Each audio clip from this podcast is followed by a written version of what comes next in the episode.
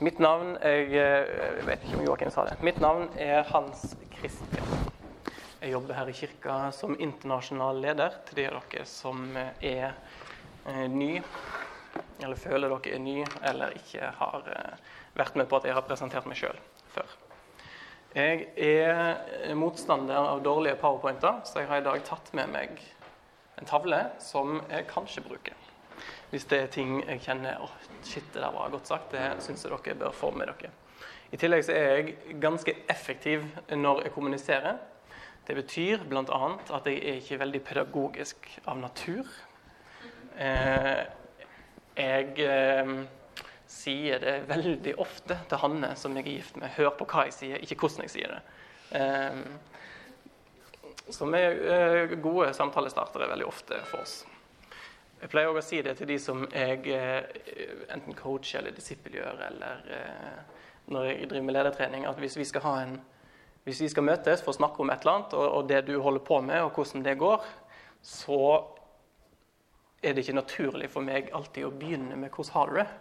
Hvis, ikke, hvis jeg har lagd en saksliste, men vi skal gjennom disse fire tingene, og det ikke står sånn rom, for rom for å være menneske, så sier jeg 'Hei, fint at du kunne komme. hvordan syns du det gikk sist?' Eh, og det har jeg måttet ta meg i så mange ganger. Og, eh, og i dag. Det ble kommentert med bord her når vi satt nå på manuset mitt. Så hele manuset mitt begynner med 'Hei, jeg heter Hans Christian'. Eh, jeg var gymlærer på en bibelskole for noen år siden. Og så hadde vi kommet til Vi skulle ha undervisning. Eh, jeg skulle ha undervisning. Og jeg hadde kommet inn i salen hvor vi skulle være, blåst i fløyta, fått samla alle elevene. Og så OK, i dag er det basket. Reglene er egentlig enkle, men vi kan ta de en gang til, bare sånn for sikkerhets skyld. Og så kom jeg på shit, nei, det var ikke i dag vi skulle ha basket. Og så begynner jeg å tulle litt, og så må jeg dra opp Post-It-lappen min for å sjekke. Eh, og så må jeg ta meg i det, og så må jeg si hei, godt nyttår. Eh, kjekt å se dere igjen. Eh, I dag skal vi ha kanonball. Eh, og hele greia ble ganske falsk, for det blir veldig sånn eh, Hei. Eh, så det er greit. Så jeg sier det enkelte ganger når jeg underviser, at hvis at det er noe som jeg sier som er veldig upedagogisk, så ta det gjerne med meg etterpå og be meg om å nyansere det. Fordi jeg kan bli veldig opptatt av å effektivt få sagt det jeg vil si, ikke være så veldig opptatt av hvordan det blir sagt. Og enkelte kan av og til føle at det jeg presenterer, er fasiten, for jeg legger det fram på en sånn måte. Og hvis du lever annerledes, så lever du i synd og må vende om med en gang. Og det eh, hvis det er meningen, så kommer dere til å merke det. For da kommer jeg til å peke på deg og si du lever i synd. Men, så, og det skal ikke skje. Eh, så hvis du sitter med den følelsen etterpå, i alle fall kom og snakk med meg, eller snakk med Ingebrigt hvis du kjenner at dette er litt eh, skummelt. Ja Å luke ugress er veldig billedlig talt. Og det er egentlig et eh, bilde som jeg fikk på vei til jobb en dag i fjor, tror jeg. At jeg kjente å ja, vi må snakke om luking av ugress når temaet er vekst. fordi dette, dette, da. Og så når jeg har jobba med denne undervisningen, så har jeg kjent at å, det er jo egentlig et fantastisk bilde. Både fordi det korresponderer godt med temaet denne våren, som er vekst, men òg fordi ja, skal, fordi eh, når vi snakker om det temaet vekst, så har vi brukt et tre som bilde på nettopp den veksten. Et tre vokser i tre dimensjoner. Opp, eh, ned, altså opp som i stammer, ned som i røttene, og ut som i trekronen, som det heter nedover representerer røttene. Det representerer, bild, eh, representerer relasjonen til Gud. Og i Jeremia kapittel 17 så leser vi Velsigna er den mann som stoler på Herren og setter sin lit til ham. Han er like tre som er plantet ved vann og strekker røttene mot bekken. Det frykter ikke når heten kommer, Løvet er grønt, det engster seg ikke i tørketider og slutter ikke å bære frukt. Denne våren ønsker vi å legge til rette for at dere har mulighet til å vokse eh, i relasjon med Gud. Og at dere har mulighet til å plante dype røtter, sånn at når heten kommer og tørketiden kommer, så slutter dere ikke å være frukt, og dere er heller ikke redd. Når jeg sier 'vi', så snakker jeg om meg sjøl og Ingebrigt og Kristine og Magnus og Joakim. Og Hanne Margrethe, som ikke er her. Derfor eh, så ja. De sitter i ledergruppa i støperiet. Dere kommer til å bli kjent med dem utover våren, fordi de fordeler litt mellom seg hvem som eh, ønsker velkommen. Gjennom disse undervisningene i vår så vil dere få input, som er nettopp navnene navnet på disse kveldene. Dere vil få kunnskap, inspirasjon, glimt av hvordan et sunt og det vi mener er godt og balansert og trygt kristenliv eh, ser ut. Og gjennom vekstgruppene så vil dere få muligheten til å bli utfordra og korrigert, og bare bli hørt i hvordan det er å være kristen, og hvordan livet egentlig er. Dere får mulighet til å koble dere på eh, et fellesskap av medvandrere som dere kan dele det livet med. Treet vokser òg oppover i høyden. Stammen. Det representerer nettopp de mindre fellesskapene. Eh, vekstgruppene som vi har. Og det holder når vi sjøl ikke holder, når stormen kommer. Jeg prøvde å google, jeg skulle prøve å finne et, eh, et bra vekst, nei, et bra bibelvers hvor man snakker om storm og søkte det, og det var så enormt mye at jeg klarte ikke å, klarte ikke å finne et som var skikkelig bra, da, så jeg bare droppa bibelvers der. Men eh, når stormen kommer, så, og vi er redd for å brekke, så holder fellesskapet. Og treet har òg en krone, som er stor og grønn og fin, som bærer frukt osv. Jeg skal ikke snakke så mye om det, fordi det å bære frukt, det å ha en stor, grønn, fin krone, er i utgangspunktet oftere et resultat av gode røtter og en god stamme, mer enn noe du liksom kan sette deg ned og, og, og jobbe med sjøl. Det er veldig få som klarer å bestemme seg for å bære mer frukt, eller for å eh, Spesielt hvis vi ser på det som er åndens frukter, som er kjærlighet, glede, fred, overbærenhet, vennlighet, godhet, trofasthet, ydmykhet og selvbeherskelse veldig få av oss. Jeg vil påstå ingen som klarer å sette seg ned og bare bestemme seg for å være mer vennlig. Nå skal jeg være mer god, nå skal jeg være mer trofast. Det er kun en dyp og nær relasjon til Gud som kan gjøre det. Jeg tror jeg skal legge vekk den pennen, for jeg, eh, hvis ikke kommer jeg til å få tilbakemelding av hvor jeg er gift med at det var en fin undervisning, men du fikk lagt ganske masse med en penn. Så jeg kommer heller til å bruke mye tid på å stå sånn som dette her med hendene mine, eller sånn, eller sånn, så vet dere det. Det er òg mine, mine, tre naturlige undervisningsstillinger. Sånn, sånn, sånn. Så har jeg et manus, og det er fordi jeg har en tendens til å rote meg langt vekk, og så må jeg hente meg litt inn igjen. Vi ønsker eh, og legge til rette for at dere kan vokse i alle disse tre dimensjonene. Vi i lederteamet har tenkt å gjøre det vi kan for å skape gode vekstvilkår for dere.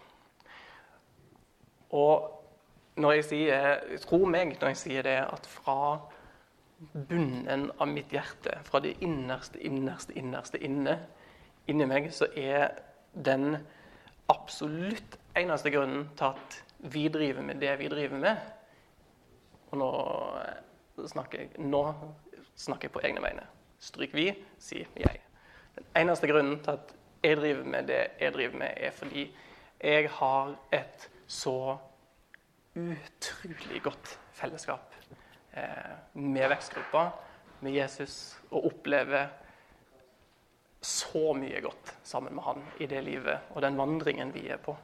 Eh, nesten hver dag er en fest når jeg holder meg nær Han, og det er absolutt ingenting jeg vil mer enn at dere skal òg få oppleve det utrolige ekstremt rike livet vi får ved å holde oss nær til Han, og som vi er kalt til å leve.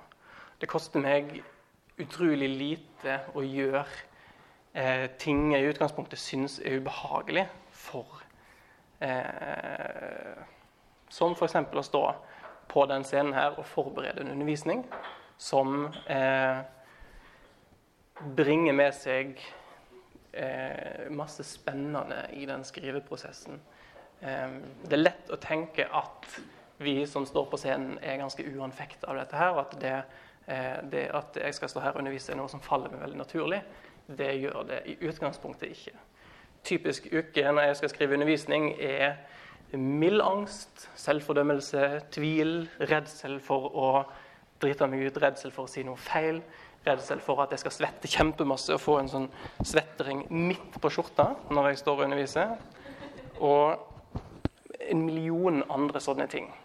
Og så for å gjøre det enda litt bedre, så tar vi opptak av hele talen og legger den ut på internett til alles glede. Eh, og det er liksom en del av greia. Ingenting av det er spesielt trivelig å utsette seg for, men det er liksom en del av poenget. da, For når du vurderer det opp mot nettopp det at for én av dere så kan det være én setning jeg sier i dag som skaper en sånn eh, dominoeffekt som bare totalforandrer livet deres. Og som igjen da totalforandrer livet til noen andre fordi vi er ment å leve i fellesskap. Da er det verdt det. Ja. Luking av ugress er dagens tema. Og vi må begynne med absolutt åpenbare. Er, og det er at dette er, kan være et vanskelig tema. Fordi det er så ekstremt hvitt og så bredt og så sykt nyansert. Eh, det er veldig enkelt for meg. Altså, jeg, kunne, jeg, kunne, kjørt en undervisning hvor jeg sier liksom OK eh, Alkohol er farlig, så pass dere for det. Eh, mat er farlig, så pass dere for det. Og så bare lista opp 200 ting som i utgangspunktet kristne bør være litt bevisst på. Og så kommer vi egentlig ingen vei. Noen av dere vil kanskje oppleve en sånn der Ja, nei, jeg har kanskje ikke tenkt over egentlig at det kan være noe usunt. Og så, eh, så er vi der. Så for min del så kunne vi egentlig hatt en hel helg om dette temaet. Tre timer fredag, seks timer lørdag og to timer søndag. Eh, men det blir liksom ikke helt bra. Så hva er luking, og hva er ugress? Det sto litt om det i arrangementsteksten i dag. Så leser jeg. Ugress er en samlebetegnelse på planter som vokser på steder der de er uønsket. De fleste ugress konkurrerer med kulturplanten om næring, vann og lys, og reduserer derfor avlingen. Ugress i seg sjøl, i selve ordet, er en nektelse. Ugress er ikke en definisjon på noe, men det er en definisjon bort fra noe. Ugress må forstås ut ifra gress. Og hva som er ønska, og hva som ikke er ønska. Og på den måten så er det veldig lett å kunne, å kunne tegne opp Se for dere den idealkristne.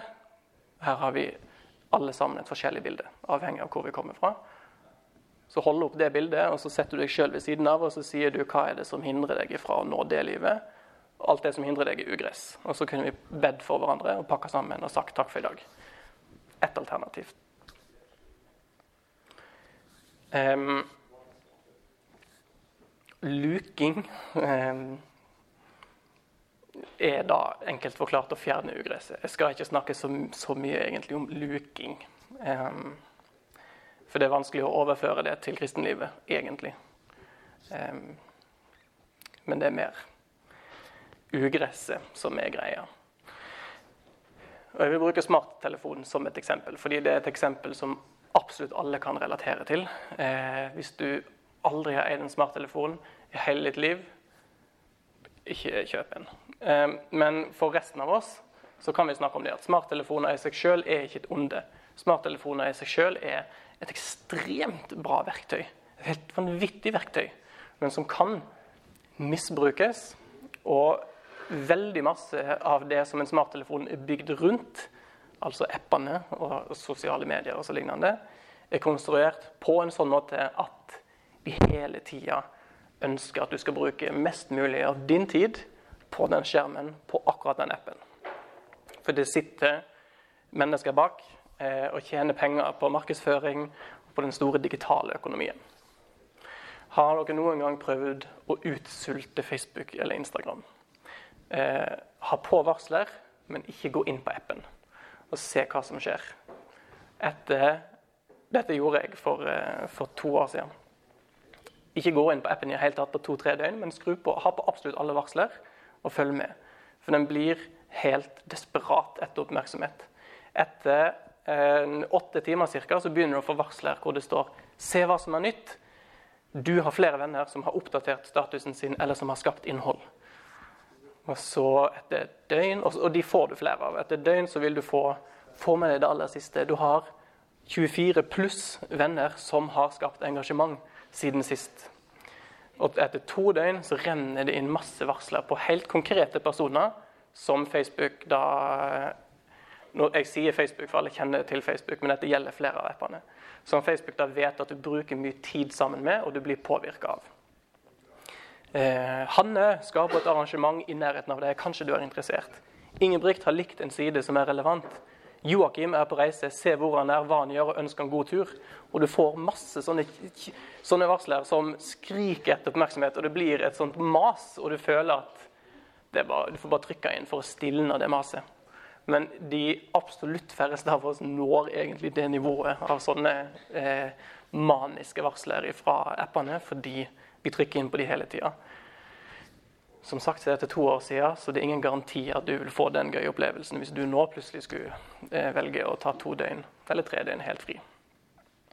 Så la jeg eh, en tråd på Reddit en gang som er et internettforum til de som ikke er kjent med det, hvor spørsmålet var Hvis du reiser 100 år tilbake i tid, og folk faktisk tror på at du er en tidsreisende uten at de brenner deg på bålet eller setter deg i fengsel, hva tror du ville vært vanskeligst å forklare til de rundt deg, og vanskeligst for dem å forstå om livet du kommer fra.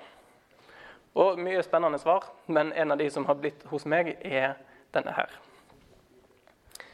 Det absolutt vanskeligste for dem å forstå ville nok vært at ved hjelp av denne lille maskinen som går på batteri for det visste folk hva var for 100 år siden, kan jeg få tilgang til nesten alt av media som er produsert noensinne.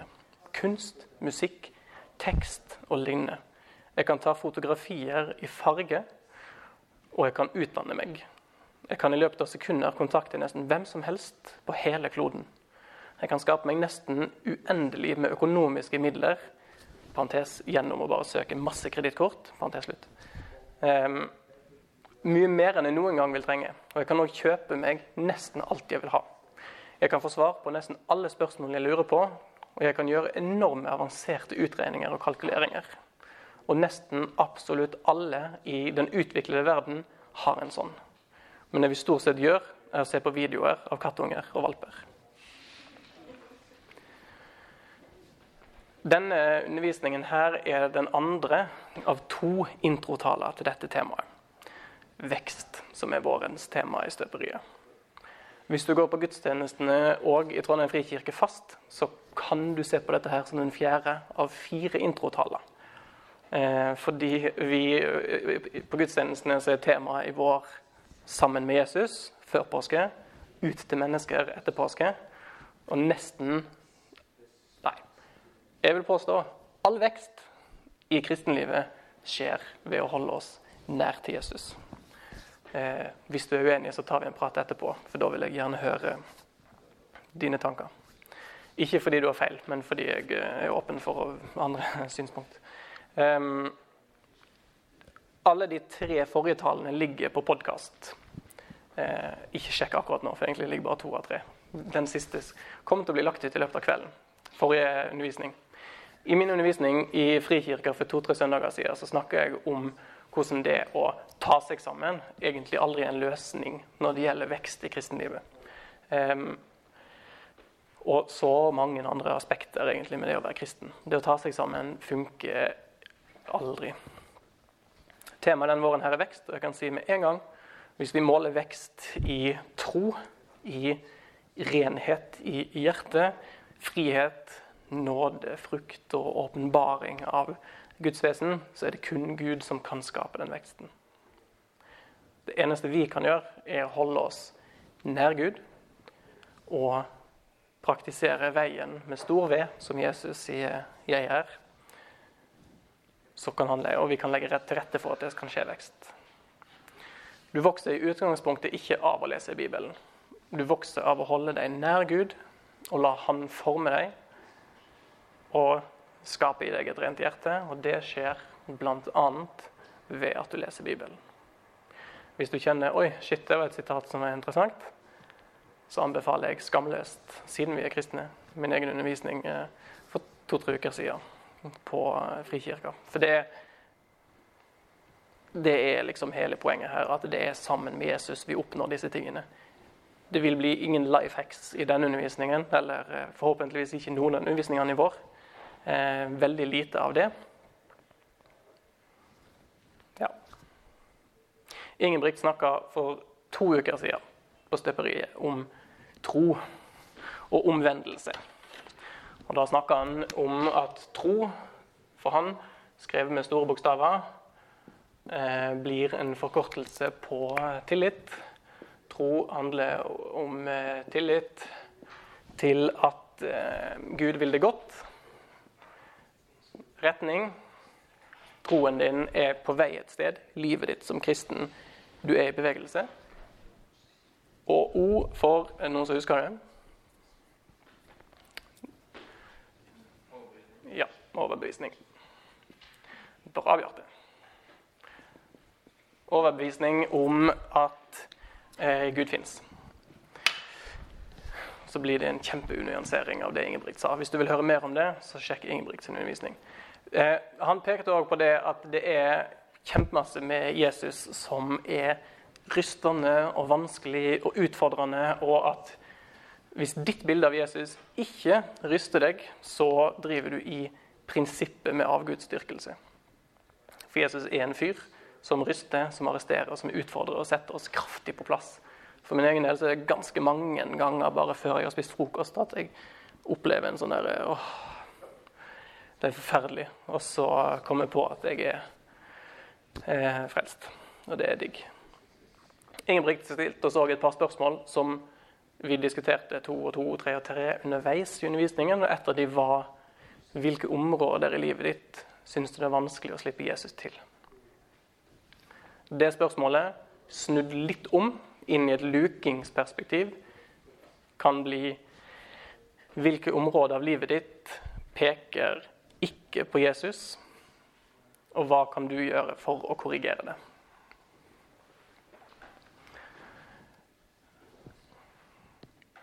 Hvis du noterer, så er dagens første sitat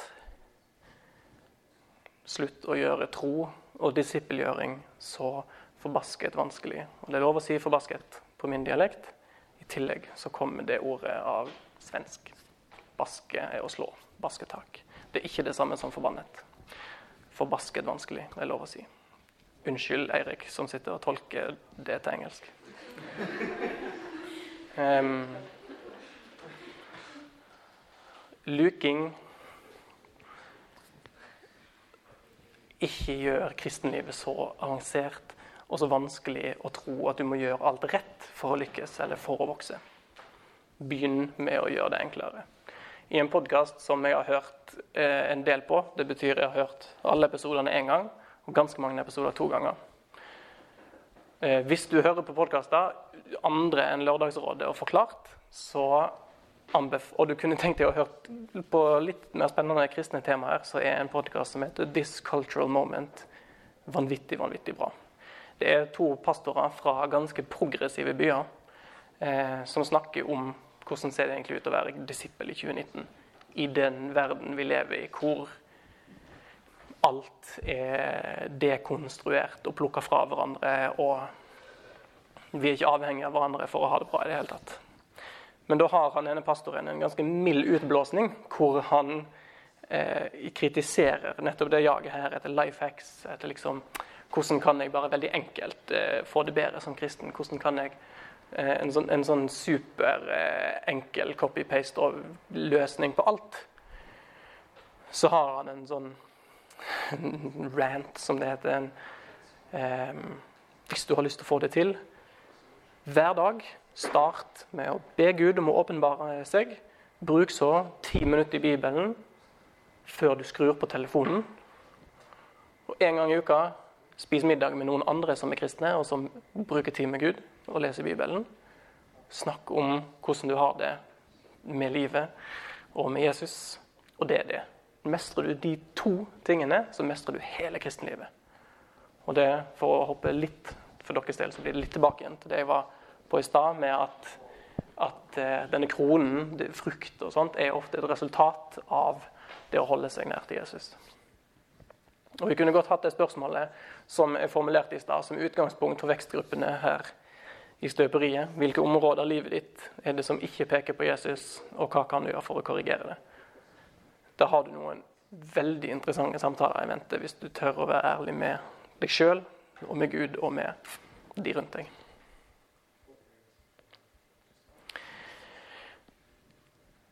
Jeg tenker å si litt mer om luking gjennom noen overskrifter som jeg har valgt å kalle ting som kan holde deg borte fra Gud, som konkurrerer med kulturplanten om næring, vann og lys.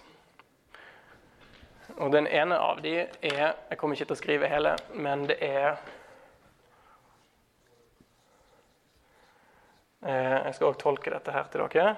Undervurdering.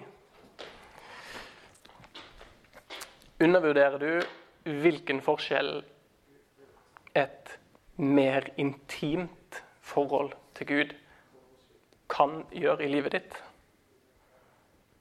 Jeg skal stille spørsmålet en gang til. Og så vil jeg at dere skal snakke om det sammen rundt bordene i eh, to-tre minutter. Undervurderer du hvilken forskjell et tettere forhold til Gud kan gjøre i livet ditt? Enten hele bordet eller to og to. Jeg kommer ikke til å arrestere dere på hva dere velger. Vær så god. Kjenner veldig, veldig få kristne som ikke har tillit til at Gud vil de det beste. Jeg kjenner et, Jeg ja, tror i utgangspunktet ikke jeg kjenner noen. Um, men jeg kjenner veldig mange som tror at det beste er synonymt med noe som fort kan være ubehagelig. Eh, jeg kjenner folk som har satt ord på at de er livredde for å bruke litt for mye tid på litt for karismatiske møter, fordi plutselig så kan de oppleve en sterk kall til å flytte til Afrika, f.eks. Hvis du forresten er i en prosess der du kjenner på at Marrakech i Marokko kaller, så er dette ditt tegn. Eh, bare Hvis du ikke kjenner på det, så går vi videre. Jeg har òg venner som er redde for å spare opp en bufferkonto. Fordi plutselig så kan Gud be dem om å gi 10 000 til noen de kanskje ikke kjenner så godt, og uten å egentlig vite hva pengene går til. Eh, jeg har venner som har satt ord på at de ønsker at Gud skal prege mer av hverdagen. Men de vet ikke hvordan det ser ut. Og det har liksom vært der de har vært i to-tre år. Jeg skulle gjerne hatt med meg Gud på jobb. Jeg skulle gjerne latt vennene mine se mer av hvem Jesus er, men jeg vet ikke hvordan det ser ut. Og, det, og så langt kommer vi ca. hver gang. da. Og Det som gjør meg eh, oppriktig lei meg, da, i, spesielt i møte med den gjengen, her, er at samtale hjelper ikke. Fordi de må finne ut av det sjøl, og de vet ikke helt hvor de skal lete. Eh, og jeg kjenner ganske mange som har satt ord på at de er skikkelig redd for at Gud plutselig skal si 'selg smarttelefonen din og kjøp deg en billig Nokia-telefon', for du vet at ingenting av det som er innpå der, er godt for deg. Og det er helt uh, reelle følelser og ekte greier. Og så kan vi snakke om luking opp og i mente på alt dette her, men jeg vet ikke hvor lang vei vi kommer med det. Som uh, mange andre ting knytta til tro, så oppsummerer C.S. Lewis dette her utrolig fint. Da siterer jeg på engelsk. We're not doubting that God will do the best for us. We're wondering how painful the best will turn out to be. Og til de av dere som følger veldig godt med, så var det akkurat det jeg òg sa i stad. Inspirert av C.S. Lewis, ikke omvendt. Um, forrige gang satte Dere som var her sist gang, satt, var det flere som satte ord på det at det spørsmålet som Ingebrigt hadde, eh, hvilke områder av livet syns du er vanskelig å slippe Gud til, var vanskelig. Fordi eh, dere sliter med å dele livet inn i områder. Og hvordan gjør vi alt dette her? Jeg tenkte jeg skulle ta meg, for, for å gå litt inn i det, og for å gå mot en avslutning, så tenkte jeg skulle ta meg den frihet å lese Knut Veitred sitt forord til boka 'En helt overkommelig disippel'. For jeg tror, eh, akkurat som han, at ordet 'disippel' er et litt skremmende ord for ganske mange. Eh, som mange har dårlige assosiasjoner med. Og da, Erik, eh, leser vi eh, Du har fått en kopi av dette. Og det som jeg har kryssa ut med masse streker, det skal du ikke lese. Du må gjerne skrive om disipler, sa en kamerat en kveld vi satt og snakket. Bare du ikke bruker selve ordet 'disippel' på forsiden. Det kommer ikke til å selge. Han fikk dårlige assosiasjoner. Disippel var ikke akkurat et plussord i hans ører. Han hadde mange gode argumenter. Og her er en liten liste jeg lagde over vrangforestillinger han klarte å lire av seg i løpet av kvelden. 1. Det kan virke som om disippel er et annet ord for superkristen. Du har vanlige kristne, og så har du de ekstreme.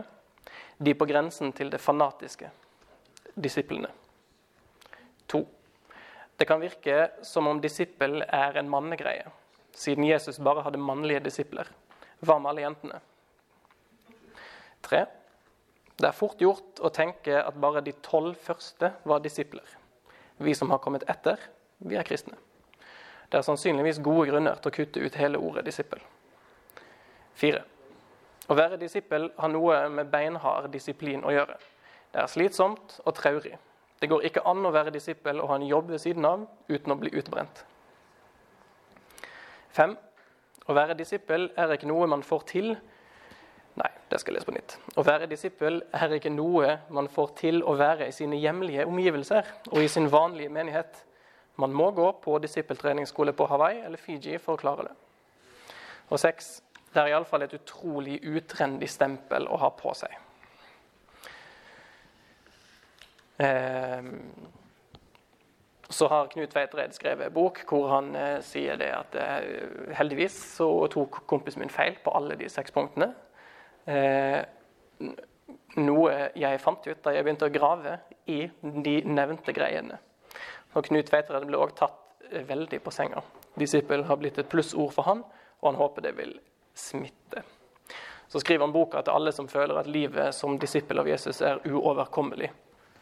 Vi har så altfor lett å gjøre kristendommen vanskeligere enn det den er. Og det la seg etter jeg hadde skrevet at eh, min overskrift om å slutte å gjøre det så komplisert. Så for meg var det en sånn Yes, jeg er inne på noe. Eh, boka til Knut Veidred, ja, grunnen til at jeg tar opp den, er fordi den er delt inn i kapitler. Tolv kapitler, tolv disipler. Eh, og de kapitlene har istedenfor en overskrift, eller overskriften er egentlig en påstand. Eh, og Den er òg fordelt i tre dimensjoner, opp, inn og ut. Eller i fellesskapet i Kristus og i verden. Og noen av overskriftene er 'Disipler har tid og overskudd'.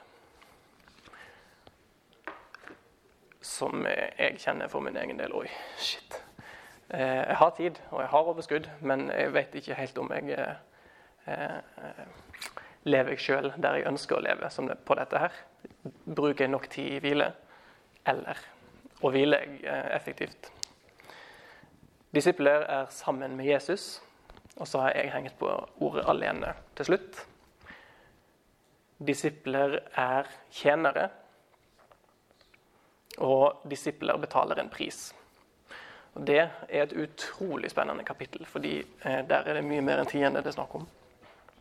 Og Hvis du er her forresten og er student og ikke betale tiende fordi du syns det er så sykt vanskelig å regne ut om du skal gi av lån eller stipend, og hva er summen, og skal du ta på en måte hele summen i et år, eller hvordan skal du gjøre dette her, så kan jeg si at 404 kroner i måneden er den totale summen av det du får et helt år som stipend. Og hvis du syns ja, nei, men det er litt seint å begynne å gi av januarstipendet nå, det er litt urettferdig å ta hele høsten inn i denne utredningen, så er, kan du begynne i, januar, i, februar med å gi 331 kroner i måneden eh, som fastgiver til din menighet. Så har du det ut av veien, så slipper du å bruke tid på det. Knut Tveitereid har òg et kapittel som heter 'Disipler er ikke regelryttere'. Og Der har han 18 eksempler fra Det nye testamentet hvor disiplene og Jesus av og til får kjeft for å ikke følge, liksom, gjøre ting korrekt og følge reglene og gjøre sånn som det skal være. Så hvis din frykt for å gi 20-25 kroner feil i tiende hindrer deg fra det, så gjerne la være hele opplegget og ha god samvittighet med det. Jeg tror vi skal oppsummere her. De to absolutt aller viktigste tingene du skal, du skal få med deg i kveld. Nummer én er ikke gjør disippelgjøring så forbasket komplisert. Luking handler om eh, først og fremst kultivere det du ønsker skal vokse fram, og så se på de tingene som hindrer det, nå har jeg vært veldig forsiktig med å nevne mange ting. Jeg har brukt litt tid på smarttelefon fordi det er lett å forholde seg til. Eh, gå noen runder med deg sjøl hvis du kjenner at eh, folk som faster fra Instagram og Facebook i en måned, er skikkelig posører og teite folk. Ta en vurdering på om du skal gjøre det samme. Jeg har òg ja, jeg har ikke lista opp så veldig mange sånne luketing, fordi det er så lett å henge seg opp i liksom, eh, det, det jeg sier, og det jeg ikke sier. Og så blir det en hel debatt rundt alt sammen. Det blir en debatt rundt debatten istedenfor å gjøre det enkelt. To, ikke undervurder hvor bra eh, luking er for deg. Og det livet og den eh, intime relasjonen som vi er kalt til å ha med Jesus, og den enorme forskjellen han kan gjøre i ditt liv. Så har jeg anbefalt en del podkaster i dag. Jeg har anbefalt uh, undervisninger her i kirka. har Jeg anbefalt uh, This Cultural Moment. Hvis du er en som ikke hører så mye på podkast, men du er en leser og Nå skiller jeg lesere fra folk som kunne gjerne tenkt seg å lese litt mer. Ikke dere, men dere som leser. Denne uh, kan jeg gå for. I tillegg så har jeg ti bøker til på kontoret. Du kan få låne én maks hvis du har lyst å eh, lese oppbyggelig kristenlitteratur som hjelper deg å vokse i eh, tillit, retning og overbevisning eller relasjon til Jesus.